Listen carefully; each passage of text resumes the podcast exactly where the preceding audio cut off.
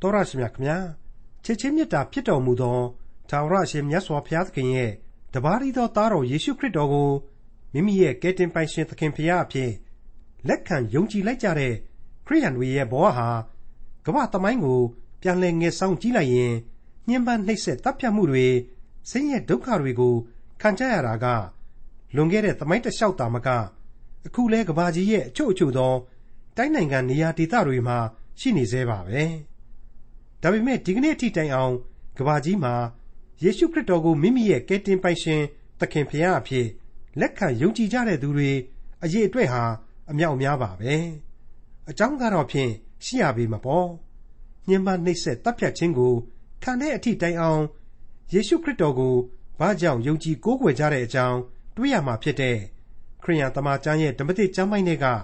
တက်တာလောနိဩဝါဒစာ ပထမဆုံးအခန်းကြီး3ကို ဒီကနေ့သင်သိရသောတမန်ကျမ်းအစီအစဉ်မှာလေ့လာမှာဖြစ်ပါတယ်။ဒီလောက်ဆင်းရဲဒုက္ခတွေကိုခါးစီခံနေရတဲ့ကြားတွေကခရိယန်တွေဟာဝမ်းမြောက်ပျော်ရွှင်နေကြတဲ့အကြောင်းရင်းကိုလည်းတွေ့ရမှာဖြစ်တဲ့တက်တာလောနိဩဝါဒစာပထမဆုံးအခန်းကြီး3ကိုဒေါက်တာထွန်းမြတ်အေးကအခုလိုသုံးသပ်တင်ပြထားပါတယ်။လေးစားအပ်ပါသောမိတ်ဆွေတော်တတ်ရှင်အပေါင်းတို့ဒီကနေ့အဖို့ကျွန်တော်တို့လေ့လာရမှာကတော့ သက်သာလောနိဩဝါဒစာပထမစာဆောင်အခန်းကြီး3ပဲဖြစ်ပါတယ်မိတ်ဆွေအပေါင်းတို့ဒီအချိန်ကစပြီးတော့သက်သာလောနိဩဝါဒစာမှာခရစ်တော်ရဲ့နောက်တဖန်ကြွလာတော်မူခြင်းနဲ့သက်ဆိုင်တဲ့အသင်းတော်ကိုသိသိခြင်းအကြောင်းရေကကလာနဲ့ကောင်းကင်နိုင်ငံတော်တည်ထောင်ခြင်းအကြောင်းရေစတဲ့အချက်တွေးဟာသက်သာလောနိဩဝါဒစာပထမစာဆောင်နဲ့ဒုတိယစာဆောင်နှစ်ခုစလုံးတည်းမှာပြန့်နှံ့ပါဝင်လာတော့မှာဖြစ်ပါတယ်အဲ့ဒီအထက်ကမှအခုပထမစာဆောင်ဟာအသင်းတော်ကိုသိသိခြင်းများအကြောင်းကိုဖော်ပြပြီးတဲ့နောက် ဒုတိယစာဆောင်ကျတော့ကကာလစီရင်ခြင်းနဲ့ကောင်းကင်နိုင်ငံတော်တည်ထောင်ခြင်းအကြောင်းများကိုဖော်ပြသွားမှာဖြစ်ပါတယ်အနာဂတ်ကျမ်းများဆန်းဆန်းမြင်ရတဲ့အပိုင်းတွေဆိုတော့ဓမ္မပညာသမားအတော်များများဟာဒီအပိုင်းတွေနဲ့ပတ်သက်လို့ခပ်ပေါ့ပေါ့ပဲသဘောထားတတ်ကြပါတယ်အဲ့ဒီလိုလူသားတို့ဘက်ကခပ်ပေါ့ပေါ့သဘောထားလေးလေးသက်သာလောနိဩဝါဒစာရဲ့အသက်ဝင်မှုတွေဟာခံယူသူတို့အဖို့လေးလံထိုင်းမှိုင်းခြင်းစရာဖြစ်လာလေးလေးပဲလို့ကျွန်တော်ဆိုချင်ပါတယ်ဒါကြောင့်မလို့လေအဲ့ဒီလိုသာခပ်ပေါ့ပေါ့ခံယူနေကြမယ်ဆိုရင်တော့ တမန်တော်ကြီးရဲ့မူရင်းအနှစ်သာရတွေဟာပြက်ပြဲသွားနိုင်တယ်အားပြော့သွားနိုင်တယ်လို့ကျွန်တော်ကကိုယ့်ရဲ့သင်သိရသောတမန်ကျန်အမြင်ကိုဒီနေရာမှာလေးစားစွာဖော်ပြခြင်းပါတယ်ဒီကနေ့ကျွန်တော်တို့လေ့လာရမယ့်အခန်းကြီး3အငယ်7ကနေအခန်းကြီး4အထိအတွင်းမှာတော့ကျွန်တော်ယုံကြည်သူများအသင်းတော်တို့မပြတ်မကွက်သိနာလေထားတဲ့လှတဲ့ခရစ်တော်ရဲ့အသင်းတော်ကိုသိသိခြင်းအကြောင်းများကိုနည်းနည်းနည်းနည်းလေ့လာတွေ့ရှိရလိမ့်မယ်လို့ကျွန်တော်ကြိုတင်ဖော်ပြပေးလိုက်ပါတယ်ကဲ တိမောသေဆောင်ယူလာသောကောင်းတဲ့ဆိုတဲ့အကြောင်းနဲ့စတင်လိုက်ကြပါစို့ရဲ့သက်သာလောနိဩဝါဒစာပထမစာဆောင်အခန်းကြီး3အငယ်1မှ2ထို့ကြောင့်ငါသည်တဖန်မအောင်နိုင်သောအခါအာသင်မြို့၌တယောက်ထီးကြံ့ရည်၍နေခြင်းဟာအလိုရှိ၏ခရစ်တော်၏ဧဝံဂေလိတရားကိုဟောပြော၍ဘုရားသခင်အမှုတော်ကိုလှုပ်ဖို့ဆောင်ပဲ့ဖြစ်သောငါညီတိမောသေကိုလွတ်လိုက်၏တဖန်မအောင်နိုင်သောအခါတဲ့ဒီအတိတ်ဘယ်ကိုတချို့ကအမျိုးမျိုးတွေးကြတော့ကြပါတယ် မဝေခွဲနိုင်အောင်ဖြစ်ကြတယ်လို့ကျွန်တော်တို့သိထားရပါတယ်အမှန်ကတော့အထက်အထက်ကဖော်ပြချက်တွေနဲ့ညှိပြီးတွေးမယ်ဆိုရင်တော့ရှင်းနေပါတယ်တန်ရောစဉ်ရှိလွန်းလှသဖြင့်ဆိုတဲ့အတိတ်ပဲပါပဲအဲ့ဒီတိုင်းမှာပဲဆက်ဆက်ထားတဲ့ဝါကြအရာလဲအတိတ်ပဲကိုသိနိုင်ပါသေးတယ်တန်ရောစဉ်ရှိလွန်းလှသဖြင့်အာသင်မြို့၌ငါတယောက်တည်းနေခဲ့ရခြင်းဖြစ်တယ်ဆိုတဲ့အချက်ဟာအတိတ်ပဲကိုရှင်းသွားစေပါတယ်အာသင်မှာအမှုတော်ဆောင်ဖို့လူတွေလိုနေတယ်ဒါပေမဲ့မင်းတို့ကိုတန်ရောစဉ်ကြီးလုံးအားကြီးလို့ အာသင်မှာငါတယောက်တည်းပဲအလုပ်လုပ်မယ်ငါလက်ထောက်အမှုတော်ဆောင်တွေကိုတော့ငါတန်ရောစဉ်ရှိနေတဲ့မင်းတို့အရက်ဒေသတွေကိုငါပြန်ပြီးတော့ဆေလွတ်ပေးရလိမ့်မယ်ဆိုတဲ့သဘောတရားကိုတွေ့မြင်နိုင်ပါတယ်သူ့ရဲ့လက်ထောက်တွေဟာသီလရှင်လုကာတိမောသေဆိုတဲ့ပုဂ္ဂိုလ်တွေပဲဖြစ်ရပါလိမ့်မယ်အဲ့ဒီအထက်ကမှတိမောသေဟာတက်တာလောနိတ်ကိုပြန်ရမယ်အကြောင်းကိုဆက်ပြီးတော့ဖော်ပြပေးလိုက်ပါတယ်ခရစ်တော်၏ဧဝံဂေလိတရားကိုဟောပြော၍ ဘုရားသခင်အမှုတော်ကိုလှုပ်ဖို့ဆောင်ပဲ့ဖြစ်သောငါညီတိမောသေကိုလွတ်လိုက်၏တဲ့အဲ့ဒါဟာရှင်းနေအောင်တွေ့ရတဲ့အချက်ပါတိမောသေဟာလှုပ်ဖို့ဆောင်ပဲ့ဆိုပြီးတော့ရှင်ပေါလုဖော်ပြပါတယ်သူတို့အဲ့ဒီလိုအလုတ်လောက်ကြတဲ့အလုတ်ခွင်ကတော့ဘုရားသခင်အမှုတော်ဖြစ်သောဧဝံဂေလိတရားကိုဟောပြောခြင်းအမှုတော်ပဲဖြစ်တယ်ဆိုတာကိုဖော်ပြပေးလိုက်ပါတယ်အဲ့ဒီဧဝံဂေလိအမှုတော်တဲမှာမှဆက်ဆက်နေတဲ့အမှုနောက်ထပ်အရေးကြီးသောအမှုတွေဟာဘာတွေဖြစ်နေပြန်တယ်လဲဆိုတာကို အငယ်သုံးဟာဆက်ပြီးတော့အတိတ်ပဲဖွင့်ဆိုထားပါတယ်ငါတို့ခံရသောဆင်းရဲခြင်းကြောင့်အဘယ်သူမျှမရွေ့လျော့မည်အကြောင်းသင်တို့ကိုမြဲမြံစေ၍ယုံကြည်ခြင်းအရာ၌သင်တို့ကိုတိုက်တွန်းနှိုးဆော်စေခြင်းဟာသူ့ကိုငါလွှတ်လိုက်၏တဲ့ဟုတ်ပါတယ်မိတ်ဆွေအပေါင်းတို့တမန်တော်ကြီးတို့ခံရသောဒုက္ခဆင်းရဲခြင်းကြောင့်အဘယ်သူမျှမရွေ့လျော့ဖို့လိုပါတယ်တဲ့သူတို့ကိုယုံကြည်ခြင်းတရား၌တည်စေတယ်ခရစ်တော်၏သားသမီးများဖြစ်စေတယ်ပြောင်းလဲစေခဲ့သူများဖြစ်တယ်ဆိုတဲ့အမှုတော်ဆောင်ကြီးတွေဟာ အခုလိုနေနှင်ခံရတာအရရမှပင်ပန်းခြင်းကြီးစွာနဲ့အလုတ်လုတ်ရတာတွေဟာအသင်းတော်သင်းနဲ့ယုံကြည်သူအပေါင်းတို့အတွက်လေသိတော့ကောင်းတဲ့အတိတ်နမိတ်မဟုတ်ဘူးလူဘဝအမြင်နဲ့ကြည့်လိုက်ရင်တနေ့ကိုယ့်စီကိုလည်းတကြော့ပြန်လှဲ့လာအောင်မဲ့ခရိယန်မုံကြီးရဲ့ခစ်ကြီးရဲ့ဒဏ်တွေဟာရှိနေသေးတယ်အန်တရယ်တွေဟာအများကြီးရှိနေပြန်သေးတယ်ကျွင်းနေပြန်သေးတယ်ဒါပေမဲ့သက်သာလောနဲ့ယုံကြည်သူတွေကိုမတုံမလှုပ်ခံရနိုင်စေခြင်းတဲ့ယုံကြည်ခြင်းခွန်အားအပြည့်အဝနဲ့ယက်တည်စေခြင်းတဲ့ အိန္ဒိယမပြည့်ယုံကြည်ခြင်းကြီးမားစေခြင်းတဲ့ဒါကြောင့်ဒီရယူပြီးသားယုံကြည်ခြင်းကိုမှထပ်မံအားဖြည့်ပေးဖို့လိုတယ်ဒီအမှုတော်ကိုတော့ရှင်ပေါလုရဲ့ကိုစားတိမောသေကဆောင်ရွက်ပေးပါလိမ့်မယ်တဲ့အဲ့ဒီလိုနားလဲရပါတယ်မိတ်ဆွေအပေါင်းတို့မင်းတို့ယုံပြီလားဆိုတော့ဟုတ်ကဲ့ယုံပါပြီအေးယုံပြီဆိုရင်ပြီးရောငါသွားမယ်ဆိုတဲ့ပေလျက်ကန်စိတ်ဓာတ်မျိုးကိုတမန်တော်ကြီးမမွေးမြူခဲ့ရှာပါဘူးအမိပမာနူးညံ့သိမ့်မွေ့စွာနဲ့ခရစ်တော်ရဲ့မေတ္တာတော်ကိုထိတွေ့ခံယူစေခဲ့တယ် အဖေပမာသောဦးစီးဦးဆောင်ရွက်ပြုမှုနဲ့တိုက်တွန်းနှိုးဆော်အားပေးခဲ့တယ်လမ်းပြခဲ့တယ်ညီရင်အကိုကဲ့သို့သောစိတ်ဓာတ်များနဲ့အကြံပြုခဲ့တယ်ဖေးမကူညီခဲ့တယ်စိတ်ဓာတ်ရေးရာအရာဝေမျှခံစားခြင်းရှိခဲ့တယ်ဆိုတာတွေ့ကိုအထက်သင်ခန်းစာတွေမှာကျွန်တော်တွေ့ခဲ့ရပြီးပါပြီဒါတွေအားလုံးတို့ဟာတမန်တော်ကြီးရှင်ပေါလုနဲ့တကွတမန်တော်တို့ရဲ့စွန့်လွတ်စွန့်စားခြင်းဖျားသခင်အပေါ်မှာတကယ်အစေခံကြုံများပမာဖျားသခင်ရဲ့အမှုတော်ကိုစွန်းစွန်းတမန်ထမ်းဆောင်ခဲ့ခြင်းတွေရဲ့တက်တည်တွေပဲဖြစ်ပါတယ် အခုချိန်မှာတော့သက်သာလောနိဩဝါဒစာပထမစာဆောင်အခန်းကြီး3အငယ်၄ကိုဆက်ကြပါအောင်စို့ထိုဆင်းရဲခြင်းကိုခံစေပြီးအကြောင်းငါတို့ကိုခံထားတော်မူသည်ဟုသင်တို့ကိုယ်တိုင်သိကြ၏အဘယ်သို့နည်းဟုမူကားငါတို့သည်ဆင်းရဲခြင်းကိုခံရလိမ့်မည်ဟုသင်တို့နှင့်အတူရှိစဉ်အခါငါတို့ပြောနှင့်ကြပြီထို့သောပြောသည့်အတိုင်းဖြစ်သည်ကိုသင်တို့လည်းသိကြ၏ ဘုရားသခင်ရဲ့အမှုတော်ကိုဆောင်ကျင်းတယ်ဆိုတဲ့နေရာမှာလေဒီလုပ်ငန်းဟာပန်းမွေရာပေါ်မှာအိပ်ရတာမျိုးအရှင်းမဟုတ်ဘူးစုခင်းသောလမ်းပေါ်မှာရှောက်ရခြင်းသာလျှင်ဖြစ်တယ်အန်တရယ်တွေကိုရင်ဝယ်ပိုက်ပြီးတော့လုပ်ရတဲ့အလုပ်အသက်ကိုဖက်နဲ့ထုတ်ပြီးလုပ်ရတဲ့အလုပ်ဖြစ်တယ်ဆိုတာကိုမင်းတို့နဲ့အတူရှိနေစဉ်ကတည်းကငါဟာပြောခဲ့ပြီးသားဖြစ်ပါတယ်တဲ့ပြောလို့မှမပြီးသေးဘူးငါဘယ်လိုဘယ်လိုဒီသက်သာလောနိတ်ကနေနှင်ထုတ်ခံခဲ့ရတာ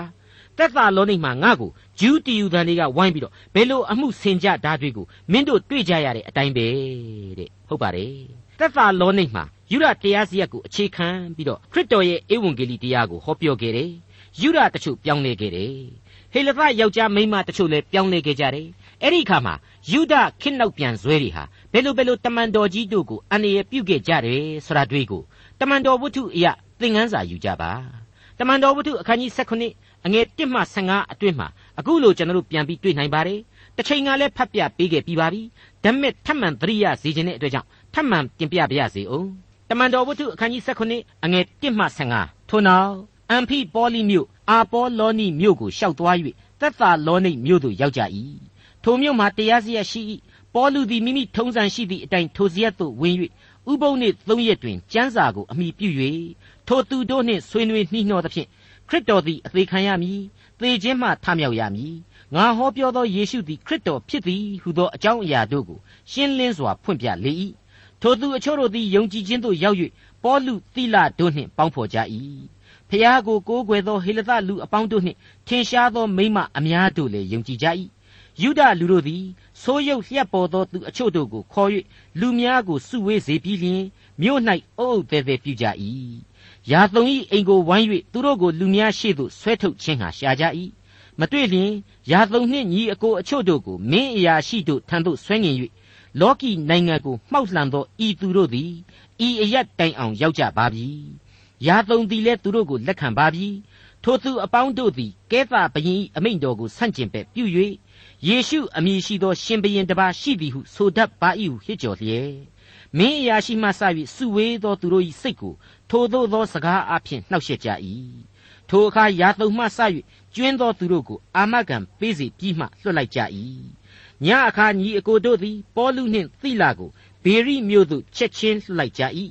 ထိုမြို့သို့ရောက်လျင်ယူရတရားစရက်သို့ဝင်ကြ၏ဘေရိမြို့သားတို့သည်တသလောနိမြို့သားတို့တက်ထုမြတ်သဖြင့်အလွန်ကြည်ညိုသောစေတနာစိတ်နှင့်နှုတ်ကပတ်တရားတော်ကိုခံယူ၍ မှန်သည်မမှန်သည်ကိုသိခြင်းဟာကျမ်းစာကိုနေ့တိုင်းအစဉ်စိတ်စိတ်ကြည့်ရှုကြ၏ထို့ကြောင့်ယူရလူအများတို့သည်ယုံကြည်ခြင်းသို့ရောက်ကြ၏အသရေထေရှားသောဟေလသမိမတို့နှင့်ယောက်ျားအများတို့သည်လည်းယုံကြည်ကြ၏ပေါလုသည်ဘေရိမြို့၌ဘုရားသခင်နှုတ်ကပတ်တရားတော်ကိုဟောပြောသည်ကိုသက်သာလောနိမြို့သားဖြစ်သောယူရလူတို့သည်ကြားသိရလျင်ဘေရိမြို့သို့လာပြန်၍လူများတို့ကိုတိုက်တွန်းနှိုးဆော်ကြ၏ထိုအခါညီအကိုတို့သည်ပေါလုကိုပင်လယ်လမ်းဖြင့်သွားစီခြင်းဟာ ချက်ချင်းလွှတ်လိုက်ကြ၏သီလနှင့်တိမောသေတို့သည်နေရကြ၏ပေါလုကိုပို့သောသူတို့သည်အာသင်မြို့တိုင်အောင်ပို့ဆောင်ပြီးမှသီလနှင့်တိမောသေတို့ကိုအလျင်အမြန်လာစေခြင်းဟာမှားစာကိုခံ၍ပြန်ကြ၏တဲ့မိတ်ဆွေတော်တတ်ရှင်အပေါင်းတို့ခမညာတမန်တော်ကြီးရှင်ပေါလုရဲ့ဖြစ်စဉ်အကြောင်းတွေကိုမှတ်တမ်းတစ်ခုအနေနဲ့ဒီကျမ်းကိုတမန်တော်ဝတ္ထုဆိုပြီးတော့ရှင်လုကာဟာထည့်သွင်းထားတာပါ တမန်တော်ကြီးရဲ့ပုဂ္ဂိုလ်ရေးဘဝမှာဘလောက်အထိတောင်မှအခြားဒုက္ခဆင်းရဲခြင်းတွေကိုခံခဲ့ကြရအောင်မယ်ဆိုတာကိုကျွန်တော်အတိအကျမသိနိုင်ပါဘူးဒီရက်မလျော့နိုင်အောင်ကြီးစွာသောဒုက္ခဆင်းရဲခြင်းတွေဖြစ်မှာကတော့အသေးချပါပဲဘေရီတို့အေသင်တို့စီကိုတမန်တော်ကြီးလွတ်မြောက်အောင်လို့လိုက်လံပို့ဆောင်ပေးခဲ့ရတဲ့အချိန်မှာတမန်တော်ကြီးဟာဒီခရီးပြင်းတွေအတွင်း စိတ်ရောကိုယ်ပါဘယ်လိုဒုက္ခဆင်းရဲခြင်းကြီးတွေရှိခဲ့ရမလဲခံစားခဲ့ရလေမလဲဆိုတာကိုလိုက်ပါပို့ဆောင်ရတဲ့ယုံကြည်သူတွေကတော့သိခဲ့ကြမှာအမှန်ပဲလို့ကျွန်တော်တွေးမိပါတယ်သက်သာလောနိဩဝါဒစာပထမစာဆောင်အခန်းကြီး3အငယ်9စုံစမ်းတွေးဆောင်တတ်သောသူသည်သင်တို့ကိုစုံစမ်းတွေးဆောင်သဖြင့်ငါတို့ပင်ပန်းစွာလှုပ်ဆောင်ခြင်းအမှုသည်အချီးနှီးဖြစ်မည်ဟုစိုးရင်၍မအောင်နိုင်သောအခါသင်တို့၏ယုံကြည်ခြင်းကိုသိလိုသောငါ ငါစေလွှတ်၏အံ့ဩစရာပဲတမန်တော်ကြီးရဲ့ယင်တဲ့အသေးတဲ့မှာအာယုန်တဲမှာတခုခုကိုခန်းစားနေရမှန်သိပြီးတော့သိလာနေပါတယ်စုံစမ်းသွေးဆောင်တတ်သောသူဆိုတာဟာစာရမဏတ်ကိုပြောတာပါပဲစာရန်သည်သင်တို့ကိုစုံစမ်းသွေးဆောင်လိမ့်မည်ငါတို့တိဆောက်ပေးခဲ့တဲ့အသင်းတော်ရဲ့ယုံကြည်ခြင်းကိုသူတို့ချိနဲ့အားပြည့်အောင်လုပ်လိမ့်မည်ငါသိပ်ပြီးတော့စိတ်ပူတာပါပဲတဲ့တနာစရာပဲလို့ကျွန်တော်တွေးမိပါတယ်ဟုတ်ပါတယ် ရှင်ပေါလုကိုသာအကြမ်းဖက်ပြီးတော့နှင်ထုတ်ကြတာနဘေးကိုဖယ်ပစ်လိုက်ကြတာယုံကြည်သူတွေကိုတော့မယုံကြည်သူတွေအများစုဟာဝိုင်းပြီးတော့အမှုနီးနဲ့ဖျက်ကြမှာအသေးချာပဲဆိုတာကိုတွက်ဆနိုင်ပါ रे အခေါင်အဖျားကိုဖြိုပြီးပြီဆိုရင်ပြီးပြီပေါ့သူတို့ပိုင်ပြီပေါ့ဒေသခံအချင်းချင်းတွေကိုတော့ဖြိုစရာမလိုဘူးသူတို့ပိုင်တယ်ပေါ့ဆွဲတရားဟောယုံလောက်နဲ့သူတို့ဖျက်လို့ရလိမ့်မယ်လို့လည်းသူတို့တွက်ကြလိမ့်မယ် ဒီခရစ်တော်ဆရာဟာကွာတကယ်သာတကိုးရှိရင်ယောမအာနာရှင်တွေလက်အောက်ကဣသရေလကိုလွတ်မြောက်အောင်လုပ်နိုင်ရမှာပေါ့ကွာဘာများအသေးခံပြနိုင်เสียလိုသေးလို့တော့သုံးရက်မြောက်သောနေ့မှာထတယ်ဆိုတာဟာလေကောလဟာလပဲနေမှာပါကွာမဖြစ်နိုင်ပါဘူးအပြိုကညာရဲ့ဝန်းကဖွားမြင်တယ်ဆိုတာကိုဘယ်လုပ်ပြီးတော့သိပ္ပံကြီးကြမှာလဲစသည်စသဖြင့်ဆွဲကြလိမ့်မယ်အဲ့ဒါဟာအနုနီးပေါ့ယုံကြည်သူတွေဟာဂျူးရဲ့ဟေလသရဲ့ Greek ရဲ့ Macedonian လို့ခေါ်တဲ့မာကေဒေါနီသားတွေရဲ့ဆိုတော့ယဉ်ကျေးမှုဤစနစ်တွေနိုင်ငံရေးအာဏာစက်တွေဖျဲချောက်တဲ့ဤတွေအပျော်ဆွဲဆွဲတဲ့ဤတွေစသဖြင့်ဤမျိုးစုံသုံးပြီးတော့အသင်းတော်ကိုသူတို့ဖြိုကြမယ်ဖြိုလို့လဲရမှာပဲလို့သူတို့တွက်ကြမှာအမှန်ပဲအဲ့ဒီလိုဖျားယောင်းသွေးဆောင်ကြတဲ့ဒဏ်တွေကိုသုံးပတ်အတွင်ခရိယန်ယုံကြည်သူတို့ရဲ့အသင်းတော်ဟာခံနိုင်ရည်မှရှိပါမလားအေးဗျာ ခမည်းတော်ပြောတာလေဟုတ်တုတ်တုတ်ပဲကျွန်တော်လည်းဒီရှင်ပေါလုဆိုတဲ့ပုဂ္ဂိုလ်ကြီးပြောတာကိုရောင်းပေါင်ပြီးတော့ခေါင်းညိတ်ဗတ္တိဇံခံယူကြမိတာပါပဲဗျာဆိုပြီးတော့များဖြစ်ကုန်ကြလေမလားလို့တမန်တော်ကြီးတွေးတောပြီးတော့စိတ်ပူခဲ့ရှာတယ်ဒါကြောင့်မလို့လေစောစောပိုင်းကလေးကလေတိမောသေကိုတစ်ခါတစ်ခေါက်ပြန်ပြီးတော့ကြည့်ရှုဖို့စေလွတ်ခဲ့သေးတယ်ဆိုတာကိုဆက်လက်ဖော်ပြပေးလိုက်ပါတယ်ဟုတ်ပါတယ်စုံစမ်းသွေးဆောင်တတ်သောသူသည်တင်တို့ကိုစုံစမ်းသွေးဆောင်သဖြင့် ငါတို့ပင်ပန်းစွာလှုပ်ဆောင်ခြင်းအမှုသည်အချီးနှီးဖြစ်မည်ကိုစိုးရင်၍မအောင်နိုင်သောအခါသင်တို့၏ယုံကြည်ခြင်းကိုသိလိုသောငါငါစေလွှတ်၏တဲ့သက်သာလောနိဩဝါဒစာပထမစာဆောင်အခန်းကြီး3အငယ်6မှ8ယခုမူကားတိမောသေသည်သင်တို့ထံကပြန်လာ၍သင်တို့၏ယုံကြည်ခြင်းနှင့်ချစ်ချင်းတည်သည်ဟု၍၎င်းငါတို့သည်သင်တို့ကိုလွန်းတကဲ့သို့သင်တို့သည်ငါတို့ကိုလွန်း၍အစင်မပြတ်ကောင်းမွန်စွာအောက်မေ့ကြသည်ဟု၍၎င်း ဝမ်းမြောက်စရာသတင်းကိုကြားပြောသည်ရှိသောညီအကိုတို့ငါတို့သည်အရာရာ၌ဆင်းရဲ၍ခက်ခဲစွာခံရသည်တွင်သင်တို့၏ယုံကြည်ခြင်းအပြင်သက်သာခြင်းသို့ရောက်ကြ၏ယခုမှသင်တို့သည်သခင်ဖျား၌တည်ကြည်လျင်ငါတို့သည်အသက်ရှင်ကြ၏အခုတော့တိမောသေဆောင်ယူလာခဲ့တဲ့ကောင်းသတင်းဟာမင်းတို့အတွက်ငါတို့ကိုဝမ်းမြောက်စေတယ်စိတ်အေးချမ်းသာရာမှုကိုဖြစ်စေတယ်သင်တို့ဟာယုံကြည်ခြင်းမှလည်းတည်မြဲတယ် ချစ်ချင်းမှလည်းတည်ရှိကြတယ်ဆိုတာကိုငါတို့ကြားရပြီတဲ့မှန်ပါတယ်မိတ်ဆွေယုံကြည်ခြင်းချစ်ခြင်းမျှော်လင့်ခြင်းဆရာကိုဒီဩဝါဒစာအစမှကလေးကတမန်တော်ကြီးဟာအသေးစိတ်ဖော်ပြခဲ့ပါသေးတယ်အခုဒီအပိုင်းမှာမျှော်လင့်ခြင်းဆရာကိုခိတ္တခဏချန်လှပ်ထားပါတယ်ဒါကိုမကြခင်မှာဆက်ပြီးတော့အပြည့်အဝတွေ့ရအောင်မှာပါငါတို့ကမင်းတို့အတွက်လွန်းဆွတ်ကြသလိုမင်းတို့ကလည်းငါတို့ကိုလွန်းဆွတ်ကြတယ်ဆိုတာလည်းသိရပြန်တော့ညီကိုတော်တို့ရေ ငါတို့သည်အရာရာ၌ဆင်းရဲ၍ခက်ခဲစွာခံစားနေကြရတဲ့နေရာမှာဘုရားသခင်ကိုယုံကြည်ခြင်းအပြင်သက်သာခြင်းအခွင့်ကိုအပြည့်အဝခံစားကြရပါတယ်ဒီယုံကြည်ခြင်းအပြင်လည်းငါတို့ဟာသာဝရအသက်ရှင်ရမည်သူများဖြစ်နေကြပါတယ်တဲ့ဘလောက်ကောင်းလေအမှတ်တမဲ့ဖတ်လိုက်မယ်ဆိုရင်တော့တမန်တော်ကြီးတို့ဘက်ကသားလျှင်ခက်ခဲဆင်းရဲခြင်းတွေရှိတာမျိုးထင်เสียရှိနေပါတယ်မဟုတ်ပါဘူးငါတို့ဆရာဟာတမန်တော်များရဲ့ ယုံကြည်ခြင်းပြောင်းလဲလာသူများရဲ့အလုံးအတူတူခံစားကြရတာပဲဆိုတာကိုကိုစားပြုထားပါတယ်အခန်းကြီး2ရဲ့သင်ခန်းစာမှာကလေးကအဲ့ဒီခက်ခဲဆင်းရဲခြင်းတွေဟာတပည့်တော်တွေပါခံစားနေရတာပဲဖြစ်တဲ့အကြောင်းဖော်ပြခဲ့ပြီးဖြစ်ပါတယ်အဲ့ဒီအခန်းကြီး2ရဲ့အငယ်14နဲ့15မှာပြန်ကြည့်ပါအဘယ်သို့နည်းဟူမူကား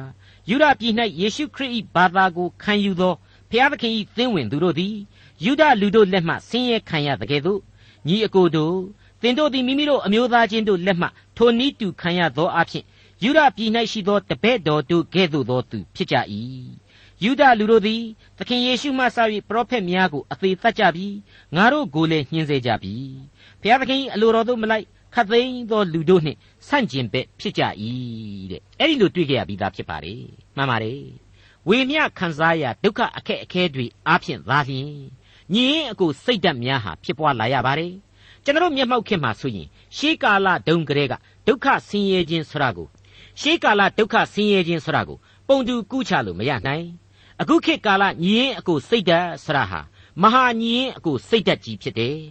ပြောင်းလဲနေတဲ့ခေတ်သစ်စုံစမ်းနှောက်ယှက်ခြင်းများတဲကနေပြီးတော့လောကကဘာလောကအတွင်းမှာခရစ်တော်ရဲ့မေတ္တာတော်ကိုလူသားတိုင်းခံစားရရှိနိုင်ဖို့အထိအကျိုးပြုရမယ်စိတ်ဓာတ်ဖြစ်တယ်ဝိညာဉ်ခွန်အားနဲ့လောကကဘာကိုပြည့်ဝအောင်လို့ဆောင်ကျင်းပေးရမယ်စိတ်ဓာတ်မျိုးအဖြစ်ပြောင်းလဲနေပြီဆိုတာကိုလေကျွန်တော်တို့ဟာပြီးခဲ့တဲ့သင်ခန်းစာအတွင်းမှာဖော်ပြခဲ့ပြီးဖြစ်ပါတယ်မိတ်ဆွေအပေါင်းတို့ခေတ်စနစ်တို့ပြောင်းလဲခြင်းအပေါ်မှာမူတည်ပြီးတော့ခံစားရဒုက္ခဆင်းရဲခြင်းတွေဟာပုံစံပြောင်းတယ်လို့သာပြောရတာပါခရစ်တော်ကိုလက်ခံခြင်းပြုတဲ့အသက်တာတိုင်းမှာစုံစမ်းနှောက်ယှက်ခြင်းဆိုတာဟာရှိမြဲဖြစ်လိမ့်မယ်ဒါပေမဲ့ယုံကြည်သူတို့အဖို့အဲ့ဒီစုံစမ်းနှောက်ယှက်ခြင်းအလုံးစုံတို့ဟာ ကျေးဇူးတော်ကြောင့်ဝမ်းမြောက်ရှင်လန်းခြင်းအခွင့်အရေးပဲဆိုပြီးတော့ရှင်ပေတရုဩဝါဒစာမှာရှင်ပေတရုဖော်ပြထားတာကိုကျွန်တော်တို့တွေ့နိုင်ပါတယ်အဲ့ဒီအတိုင်းပါပဲတိမောသေဩဝါဒစာဒုတိယစာဆောင်အခန်းကြီး3အတွင်းမှာလေ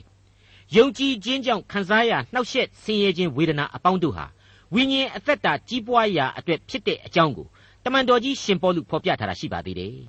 ဟုတ်ပါတယ်မိတ်ဆွေအပေါင်းတို့ဝိညာဉ်အသက်တာကြီးပွားရာဆိုပြီးတော့အသင်းတော်ကြီးတစ်ခုရဲ့တစ်နှစ်စာအဓိကဆောင်ပုဒ်ကို ကျွန်တော်အခုအချိန်မှမြင်အောင်ပြီးတော့စဉ်းစားမိလာပါတယ်ဝိညာဉ်အသက်တာကြီးပွားဖို့ရန်အတွက်ဝေဒနာအချို့ကိုဘုရားသခင်ပေးမယ်ဆိုရင်ကျွန်တော်ရင်ဆိုင်ကြပါရင်ဆိုင်ရလို့လည်းဝမ်းမနေကြပါနဲ့ယုံကြည်ခြင်းကိုဆန်းစစ်သောစုံစမ်းနှောက်ယှက်ခြင်းများတို့ဟာပုံစံအမျိုးမျိုးနဲ့တည်ရှိနေကြောင်းတင်ပြလိုက်ပါရစေသက်သာလုံးនៃဩဝါဒစာပထမစာဆောင်အခန်းကြီး3အငယ်9နဲ့10ငါတို့၏ဘုရားသခင်ရှေ့၌သင်တို့၏အကြောင်းကြောင့်ငါတို့ခံရသောဝမ်းမြောက်ခြင်းအပေါင်းကိုထောက်၍ သင်တို့အကြောင်းကြောင့်ဘုရားသခင်၏ကျေးဇူးတော်ကိုအဘယ်သို့ဆက်နိုင်သနည်းသင်တို့မျက်နာကိုမြင်၍သင်တို့ယုံကြည်ခြင်းလိုသေးသမျှကိုစုံလင်စေမည်အကြောင်းငါတို့သည်နေညမပြတ်အလွန်တရာဆုတောင်းပတနာပြု၍နေကြ၏အခုနလေးတင်ပဲဝိညာဉ်အသက်တာခံစားရဝေဒနာအခက်အခဲနဲ့စုံစမ်းနှောက်ယှက်စီးတားခြင်းတို့ကြောင့်ဝိညာဉ်အသက်တာကြီးပွားရာဖြစ်စေတယ်လို့ကျွန်တော်ဖော်ပြခဲ့ပေးပါတယ်အခုအချိန်မှကျတော့ဝမ်းမြောက်ခြင်းတဲ့ ဒုက္ခအခက်အခဲများခံစားရကနေပြီးတော့ခံစားရကနေပြီးတော့ဝိညာဉ်အသက်တာဝမ်းမြောက်စရာဆိုပြီးတော့ခေါင်းစဉ်ပြောင်းသွားပြန်ပြီပေါ့မိတ်ဆွေအပေါင်းတို့ပြီးခဲ့တဲ့အခြားဩဝါဒစာသင်ခန်းစာတွေမှာကလေးကကျွန်တော်ပြောခဲ့တာရှိပါတယ်ယုံကြည်သူအသင်းတော်ဆိုတာဟာဘလောက်ပဲခရစ်တော်နီးတူခရစ်တော်ရဲ့ဥကောင်းမှာတွေ့ဆက်နေတယ်ဆိုပေမယ့်ခြေတောက်ကတော့လောကမှာသာချထားရတာဒါကြောင့်မလို့ဇာတိပဂရိလူသားဟာမြေကြီးပြင်ရဲ့ဆွဲဆောင်မှုများနဲ့အတူသဝေထိုးတတ်တယ်ချိနဲ့အားပြော့တတ်တယ် လူသားတွေဟာယာနှုံးပြည့်မပြည့်စုံနိုင်ဘူးအသင်းတော်တိုင်းမှာလေအသင်းတော်အတိုင်းအတာနဲ့အညီကပ်ဖို့ကပ်ဖက်လူတွေဆိုတာဟာရှိစမြဲပဲဆိုတာကိုကျွန်တော်အကြိမ်ကြိမ်ဖော်ပြခဲ့ပြီးဖြစ်ပါတယ်ဟုတ်ပါတယ်ဒါကိုတမန်တော်ကြီးရဲ့စကားဆက်ဟာရှင်းနေအောင်ဖော်ပြလိုက်ပါပြီသင်တို့ဤမျက်နာကိုမြင်၍သသင်တို့ယုံကြည်ခြင်းလိုသေးသမျှကိုစုံလင်စေမည်အကြောင်းငါတို့သည်နေညမပြတ်အလွန်တရာဆုတောင်းပတနာပြု၍နေကြ၏တဲ့ဒုက္ခဆင်းရဲခြင်းရှိတယ် ဒါကြောင့်မလို့လေကြီးပွားခြင်းတိုးတက်ခြင်းဝမ်းမြောက်ခြင်းတို့ရှိလာရတယ်ဒါကြောင့်မလို့သီးခံနိုင်ခြင်းခံရနိုင်သောစိတ်ဓာတ်ခွန်အားတို့လိုအပ်တယ်ဒါတွေကိုငါဆုတောင်းပေးလိုက်ပါတယ်ဆိုတဲ့သဘောဖြစ်ပါတယ်ယုံကြည်ခြင်းလိုသေးသမျှလို့ဆိုထားတယ်မဟုတ်ဘူးလားသက်သာလောနိဩဝါဒစာပထမစာဆောင်အခန်းကြီး3အငယ်7နဲ့7သင်တို့ရှိရာသို့ငါတို့သွားရလမ်းကိုငါတို့အဖဒီဟုသောဘုရားသခင်နှင့်ငါတို့သခင်ယေရှုခရစ်သည်ပြင်ဆင်တော်မူပါစေသော ထိုသခင်သည်မိမိတန်ရှင်းသူအပေါင်းတို့နှင့်အတူကြွလာတော်မူသောအခါငါတို့အဖဒီဟုသောဘုရားသခင်ရှေ့မှအပြစ်တင်ခွင့်နှင့်ကင်းလွတ်သောသင်တို့၏စိတ်နှလုံးကိုကိုတော်သည်တန်ရှင်းခြင်းပါရမီ၌မြဲမြံခိုင်ခံ့စိမ့်သောငါငါတို့သည်သင်တို့ကိုချစ်တဲ့ကဲ့သို့သင်တို့သည်အချင်းချင်းကို၎င်းသူတစ်ပါးအပေါင်းတို့ကို၎င်းချစ်၍ချစ်ချင်းမေတ္တာနှင့်အထူးသဖြင့်ကြွယ်ဝပြည့်စုံမည်အကြောင်းသခင်ဖျားပြုတော်မူပါစေသောထိုသခင်သည်ကြွလာတော်မူအောင်မည် သူကြွလာသောအခါမိမိတန်ရှင်းသူများနှင့်အတူဖြစ်လိမ့်မည်တဲ့ထိုသခင်သည်မိမိတန်ရှင်းသူအပေါင်းနှင့်ကြွလာတော်မူသောအခါဆရာဟာဘယ်အခါကိုဆိုလိုသလဲဆိုတဲ့အချက်ဟာသိပ်ပြီးတော့အရေးကြီးတယ်လို့ကျွန်တော်ခံယူပါတယ်ကြွလာတော်မူသည်ဆိုတာကို coming လို့အင်္ဂလိပ်သမာကျမ်းစာကဆိုထားတဲ့အတွက်ကြောင့်ဆရာကြီးယူရတန်ကကြွလာတော်မူသည်လို့ဘာသာပြန်ပါတယ်အလွန်ကွက်တိကြသောဘာသာပြန်ဆိုမှုဖြစ်ပြီးတော့ခရစ်တော်၏ဒုတိယအကြိမ်ကြွလာတော်မူခြင်းကိုရည်ညွှန်းတယ်ဆိုပြီးတော့ ဓမ္မပညာရှင်အများစုကလည်းတညီတညွတ်တီခံယူထားကြပါတယ်ဒါပေမဲ့နောက်ဆက်တွဲစကားဆက်တွေဟာထုနေပါတယ်အလေးနဲ့စဉ်းစားဖို့လည်းရှိနေပါတယ်အဲ့ဒါကတော့ဘုရားသခင်ရှေ့တော်မှောက်သို့ရောက်ရှိပြီးတော့အပြစ်တင်ခွင့်နှင့်ကင်းလွတ်ခြင်းတန်ရှင်းခြင်းပါရမီတို့နှင့်မြဲမြံခြင်းရှိဖို့ရန်ဆိုတာတွေပါဝင်လာခြင်းပဲဖြစ်ပါတယ်ဟုတ်ပါတယ်ထိုသခင်သည်မိမိတန်ရှင်းသူအပေါင်းတို့နှင့်ကြွလာတော်မူသောအခါငါတို့အဖဒီဟုသောဘုရားသခင်ရှေ့မှ အပြစ်တင်ခွင့်နှင့်ကင်းလွတ်သောသင်တို့၏စိတ်နှလုံးကိုကိုတော်သည်တန်ရှင်းခြင်းပါရမီ၌မြဲမြံခိုင်ခံ့စိမ့်သောငါတဲ့အဲ့ဒီလိုဖြစ်ပါတယ်ဒီတော့သခင်ရဲ့ကြွလာခြင်းဟာဘုရားသခင်ရှေ့တော်ကိုရောက်ရှိခြင်းနဲ့တပြိုင်နက်တည်းဆက်ဆက်နေတာကိုတွေ့ရပါတယ်ပြီးတဲ့နောက်ဆက်လိုက်တဲ့အချက်ဟာလည်းထူနေပါတယ်ငါတို့သည်သင်တို့ကိုချစ်တဲ့ကဲ့သို့သင်တို့သည်အချင်းချင်းကို၎င်းသူတစ်ပါးအပေါင်းတို့ကို၎င်းချစ်၍ ချစ်ချင်းမေတ္တာနှင့်အထူးသဖြင့်ကြွယ်ဝပြည့်စုံမည်အကြောင်းသခင်ဖျားပြုတော်မူပါစေသောတဲ့အဲ့ဒီတော့ချစ်ချင်းဆိုတာဟာဒီဩဝါဒစာကြီးရဲ့အစမှဖော်ပြခဲ့တဲ့ချစ်သောစိတ်နှင့်ကြိုးစားအားထုတ်ခြင်းသို့မဟုတ် labor of love သို့မဟုတ်ချစ်၍အချင်းချင်းတို့အတွက်တာဝန်ယူကြခြင်းကိုဆိုလိုပါတယ်ခတ်ကြပြားဆန်းဆန်းဆိုရရင်တော့မေတ္တာတရားထွန်းကားကြပါစေလို့ငါဆုတောင်းတယ်ဆိုတဲ့အချက်ပေါ်လွင်လာစေပါတယ်မိတ်ဆွေအပေါင်းတို့ အဲ့ဒီလိုယုံကြည်ခြင်းချစ်ခြင်းမျှော်လင့်ခြင်းသုံးခုရှိပါရဲ့နဲ့ဒီကနေ့သင်ခန်းစာရဲ့အငယ်6မှာတုန်းကသင်တို့၏ယုံကြည်ခြင်းနဲ့ချစ်ခြင်းသည်တည်လျက်နေသည်ကိုငါသိရပါတယ်ဆိုပြီးတော့မျှော်လင့်ခြင်းဆိုတာကိုတခဏခြံရစ်ခဲ့တယ်ဆိုတာကိုကျွန်တော်တွေ့ကြရပါတယ်ဟုတ်ပါတယ်ဒါဟာတမင်ခြံထားခဲ့ခြင်းသာဖြစ်ပါတယ်သက်သာလောနိတ်သားတွေနဲ့တကွလောကသားအားလုံးအဖို့အလွန်အရေးကြီးတဲ့မျှော်လင့်ခြင်းဟာ ဘာဖြစ်တယ်လဲဆိုတာကိုအခုအချိန်ကစပြီးတော့ဖော်ပြပေးဖို့ရန်ခြံလှပ်ခဲ့ခြင်းဖြစ်ပါတယ်ဒီမျှော်လင့်ခြင်းကတော့တခြားမဟုတ်ပါဘူးအခုကျွန်တော်အရေးတကြီးစဉ်းစားနေတဲ့ထိုသခင်သည်မိမိတန်ရှင်းသူအပေါင်းတို့နှင့်ကြွလာတော်မူသောအခါဆိုတဲ့အလွန်အရေးကြီးတဲ့အချိန်အခါကိုမျှော်လင့်ခြင်းပါမိတ်ဆွေအပေါင်းတို့ coming သို့မဟုတ်ကြွလာခြင်းသို့မဟုတ်လာရောက်ခြင်းဟာ Greek စာပေမှာအတိတ်ပဲသုံးခုရှိပါတယ်ပေါ်ထွန်း၍ကြွလာခြင်းဖွင့်လှစ်၍ကြွလာခြင်းနဲ့ အတူတကွကြွလာခြင်းပါပဲပေါ်ထွန်း၍ကြွလာခြင်းဆိုတာဟာခရစ်တော်ရဲ့ပထမအကြိမ်ကြွလာခြင်းလို့လည်းပြောလို့ရပါတယ်ဒုတိယအကြိမ်ကြွလာခြင်းလို့လည်းပြောလို့ရပါတယ်နောက်ထပ်ဖြည့်ဆွက်ချက်အဖြစ်ဘယ်လိုထွန်းတောက်ခြင်းနဲ့ပဲပေါ်ထွန်းကြွလာလာအကျုံးဝင်တယ်လို့ကျွန်တော်တို့ဆိုကြပါတယ်ဖွင့်လှစ်၍ကြွလာခြင်းကတော့အကာအယံကိုဖွင့်ပြီးကြွလာတာပါပဲအဲ့ဒီတော့ခရစ်တော်ရဲ့ပထမအကြိမ်ကြွလာခြင်းကိုမဆိုလိုတော့ပါဘူးဘာဖြစ်လို့လဲဆိုတော့အဲ့ဒီပထမအကြိမ်ကြွလာခြင်းဟာ လူသားတွေနားမလည်နိုင်အောင်နည်းနည်းတယ်ဇာတိလူသားအကာအယံကြီးကိုတုံထားတယ်ဒါကြောင့်ဖွင့်လှစ်ခြင်းမဟုတ်ဘူးဖုံးကွယ်နေသောကြွလာခြင်းသာဖြစ်ပါတယ်ဒီတော့ဖွင့်လှစ်ကြွလာခြင်းဟာဒုတိယအကြိမ်ကြွလာတော်မူခြင်းကိုသာဖော်ပြဓာမှန်ရှင်းနေပါတယ်အကယ်၍သူအလိုရှိလို့ရှိရင်ဖြည့်ဆွက်ချက်အနေနဲ့ဘယ်လိုဖွင့်လှစ်ခြင်းမျိုးနဲ့ပဲဖြစ်ဖြစ်ကြွလာနိုင်သေးတယ်ဆိုတာကိုလေကျွန်တော်ခံယူထားဖို့လိုပါတယ်အတူရှိခြင်းဆိုတဲ့အတိတ်ပဲနဲ့ကြွလာတော်မူတာကတော့သိရှင်းပါတယ် ဒီကနေ့ကျွန်တော်တို့စီကိုကြွရောက်လာတဲ့လူဟာဘယ်သူဘယ်ဝါဖြစ်ပါတယ်ဆိုရင်အမှန်တော့သူဟာရောက်ရှိနေပြီးသားလူကျွန်တော်နဲ့အတူရှိနေပြီးသောသူကိုရည်ရွယ်ပြီးပြောတာပါပဲအတူရှိနေတယ်ဆိုတာကိုလည်းပြောချင်ရင်တော့ပြောမယ်ဒါပေမဲ့ကျွန်တော်စီကိုကြွလာတဲ့လူကတော့ဘယ်သူဘယ်ဝါပဲဆိုပြီးပြောလိုက်ရင်လည်းပြီးတဲ့သဘောပါပဲဒီတော့ကယ်တင်ရှင်ရဲ့ပထမအကြိမ်ကြွလာတော်မူခြင်းဟာလူသားတို့နဲ့အတူနေခဲ့တဲ့အတွက်အတူရှိ၍ကြွလာခြင်းဖြစ်တယ် ဒုတိယအကြိမ်ကြွလာပြီးကောင်းကင်နိုင်ငံတော်တည်ထောင်တာဟာလေသူကိုယ်တော်တိုင်အုပ်ဆိုးမဲ့ကာလမှုလို့အကျုံးဝင်တာပဲလို့ဆိုကြပါတယ်ဒါပေမဲ့တန်ရှင်းသူတွေနဲ့လို့အခုအပိုင်းမှာဆိုထားတယ်တပါးတဲ့ဆက်လိုက်တာကတော့ဘုရားသခင်ရှေ့တော်ကိုရောက်ပြီးတော့အပြစ်ကင်းတန့်ရှင်းခြင်းရှိတယ်ချစ်ချင်းမေတ္တာနဲ့ပြည့်ဝသောအဖွဲ့အစည်းဖြစ်ဖို့လိုတယ်ဆိုတာတွေပါဝင်နေတဲ့အတွက်ကြောင့်ပထမအကြိမ်ကြွလာခြင်းဒုတိယအကြိမ်ကြွလာခြင်းတွေမဖြစ်နိုင်ပါဘူးကျွန်တော်ဖွင့်ဆိုပေးခဲ့တဲ့အတိုင်း ထွန်းတောက်၍ကြွလာခြင်းဖြည့်ဆွက်ချက်နောက်တစ်ခုအနေနဲ့ဆက်လက်ဖော်ပြခဲ့တဲ့ဖွင့်လှစ်၍ကြွလာခြင်းအဲ့ဒီကြွလာခြင်းများနဲ့အတူအတူတကွတီရှိ၍ကြွလာခြင်းဆိုပြီးတော့ကြွလာခြင်းသုံးမျိုးစလုံးနဲ့ကိုက်ညီသောကြွလာခြင်းဖြစ်တယ်ဘယ်ကိုကြွလာခြင်းလဲဆိုတော့အဖဖျားသခင်တီရှိရာကောင်းကင်ဘုံတို့သူကိုယ်တိုင်ဥဆောင်၍ကြွလာခြင်းဖြစ်တယ်အဲ့ဒါဟာချစ်ချင်းမေတ္တာနဲ့ပြည့်စုံသောအသင်းတော်ကိုခရစ်တော်ဟာကောင်းကင်ဘုံတို့ ကြိုတင်သိမ့်စီခြင်းပဲလို့ပြတ်သားစွာကျွန်တော်ခံယူလိုက်ပါတယ်ဟုတ်ပါတယ်ချစ်ချင်းမေတ္တာတရားနှင့်အထူးပြည့်စုံတဲ့အသင်းတော်ယုံကြည်ခြင်းချစ်ခြင်းမျှော်လင့်ခြင်းနဲ့ပြည့်စုံသောအသင်းတော်ကိုခရစ်တော်ဟာကပ်ကာလမတိုင်ခင်မှာကတည်းကသိမ့်စီမယ်လို့တမန်တော်ကြီးရှင်ပေါလုဟာသက်သာလောနိအသင်းတော်မှတဆင့်ကျွန်တော်ကိုဖော်ပြပေးလိုက်ပါတယ်ဒေါက်တာထွန်းမြတ်ရေးစီစဉ်တင်ဆက်တဲ့တင်ပြရတော်တမချန်းအစီအစဉ်ဖြစ်ပါတယ်နောက်တစ်ချိန်အစီအစဉ်မှာခရိယန်တမချန်းရဲ့ ဓမ္မသစ်ကျမ်းပိုင်းတွေကတက်တာလောနိဩဝါဒစာပထမဆုံးအခန်းကြီး၄အခန်းငယ်၁ကနေအခန်းငယ်၈အထိကိုလေ့လာမှာဖြစ်တဲ့အတွက်စောင့်မျှော်နားဆင်နိုင်ပါတယ်။